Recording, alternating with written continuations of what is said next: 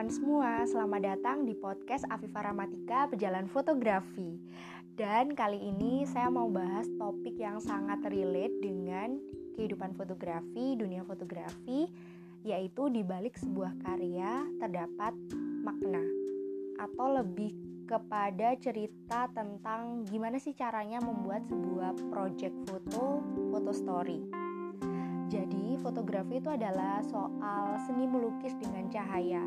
Jadi, kita merasakan sebuah cahaya itu kalau misalnya dibilang fotografi itu tentang feel the light.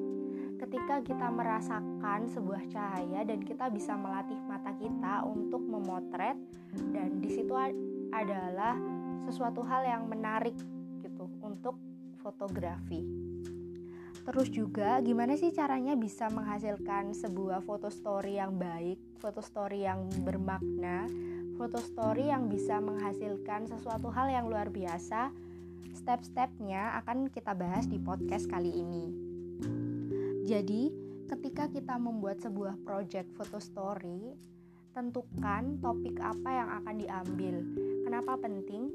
Karena kita nggak bisa untuk apa ya kita nggak bisa untuk memasukkan semua topik dalam project photo story. Kenapa? Karena lebih baik kita fokus pada genre apa. Misalnya mau fokus terhadap tata kota arsitektur bangunan menarik yang ada di kota kita terus kita abadikan jadi foto story rangkaian foto bercerita atau kita bisa gunakan juga suka motret minimalis atau yang sederhana kita bisa berkreasi dengan mencari sesuatu objek yang sederhana dan kita buat sebuah foto stories. Nah foto stories ini ada banyak macam-macam ya teman-teman. Dan Sebelumnya saya mau disclaimer dulu, saya bukan orang yang paham tentang foto stories karena juga saya masih pemula di fotografi. Saya kenal di fotografi itu mulai tahun 2018. Walaupun di tahun-tahun sebelum 2018 saya tidak sadar dengan interest ini, dengan ketertarikan fotografi yang secara mendalam. Jadi ketika kita motret itu jangan sampai kita lupa akan esensinya. Kenapa saya bilang seperti itu?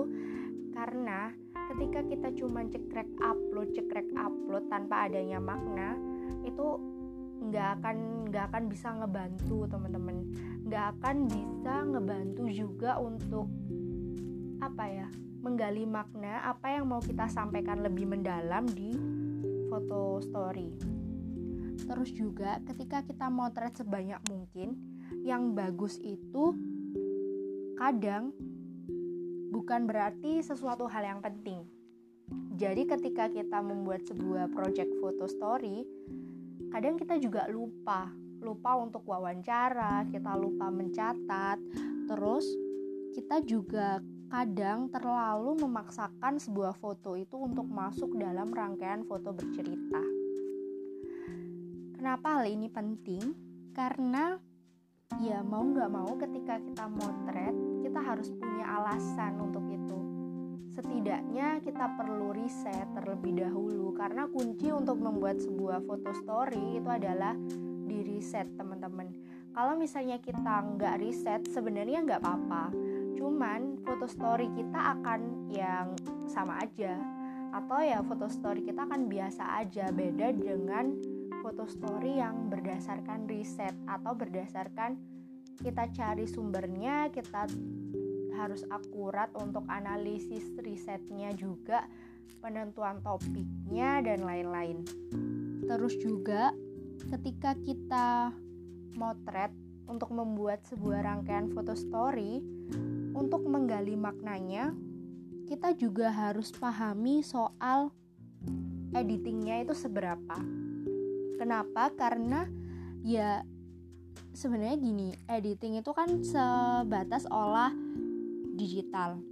Kita harus pahami kita perlu cropping kah, kita perlu brightness kah, atau kita perlu uh, memilah gitu, memilah dan merangkai disatukan. Kadang ada kejadian menarik ketika kita motret sebuah foto story lalu kita ada sebuah gambar yang hilang otomatis kita akan apa ya kehapus gitu ya misalnya. Kita akan kembali lagi ke tempat itu dan kita harus melengkapinya. Ada foto story yang acak random. Kita bisa menyusunnya gitu ya mulai dari awal terus isinya apa lalu foto akhir penutupnya apa. Tapi ada juga foto story yang harus urut teman-teman.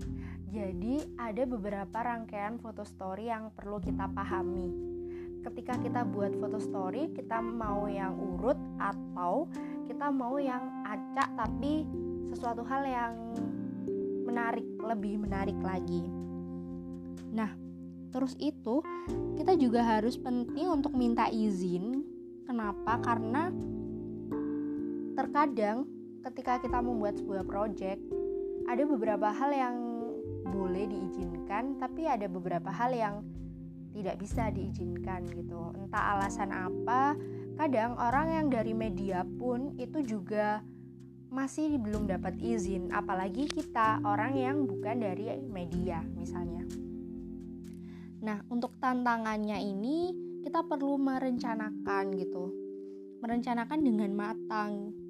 Karena ya mau nggak mau kita harus apa ya berlaku sopan kita harus bilang tujuannya untuk memotret uh, sebuah project ini itu untuk apa dan lain-lain.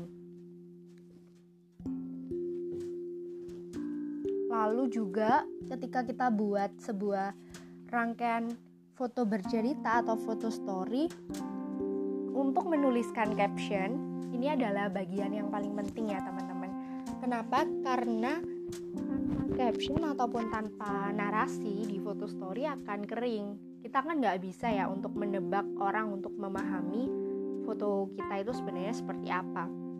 Jadi kita perlu untuk memberikan sebuah narasi. Narasinya itu bisa singkat ataupun panjang. Itu sesuai dengan kebutuhannya seperti apa.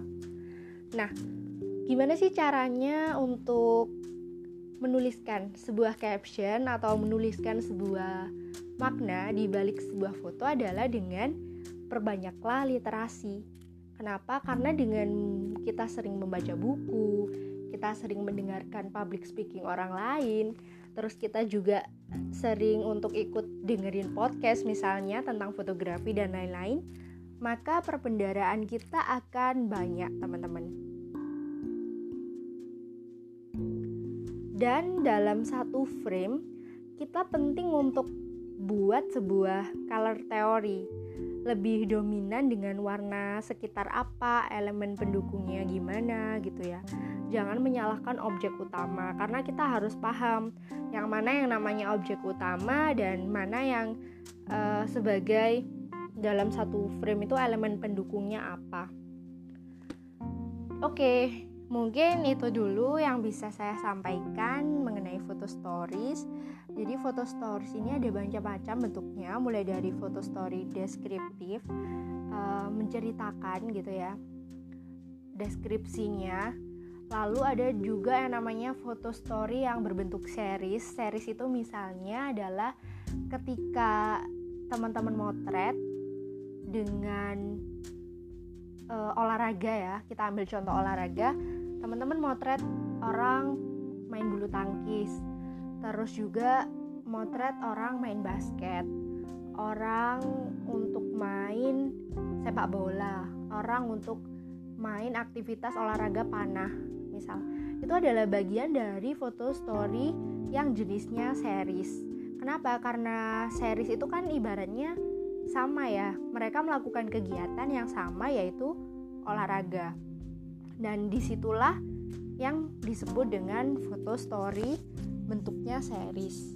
Tapi juga ada yang namanya foto story yang naratif gitu berupa cerita ataupun butuh yang namanya foto pembuka terus foto rangkaian kejadian di uh, tengah dan juga foto penutup kalau teman-teman waktu dengerin podcast ini masih agak kurang paham dengan penjelasan tentang foto story. Mungkin next ke depannya akan saya buatkan sebuah microblog fotografi yang isinya adalah step gimana caranya memahami sebuah foto stories itu sendiri. Semoga podcast ini bisa bermanfaat buat teman-teman yang mendengarkan atau mungkin kalau ada penjelasan saya yang kurang jelas mungkin bisa langsung DM di Instagram saya @afiparamatikaf sebisanya saya akan balas dan sesuai dengan pengalaman saya gitu. Terima kasih sudah mendengarkan podcast ini sampai hampir mau 11 menit ya ini 10 menit lebih dan sampai jumpa di podcast selanjutnya. Salam motret.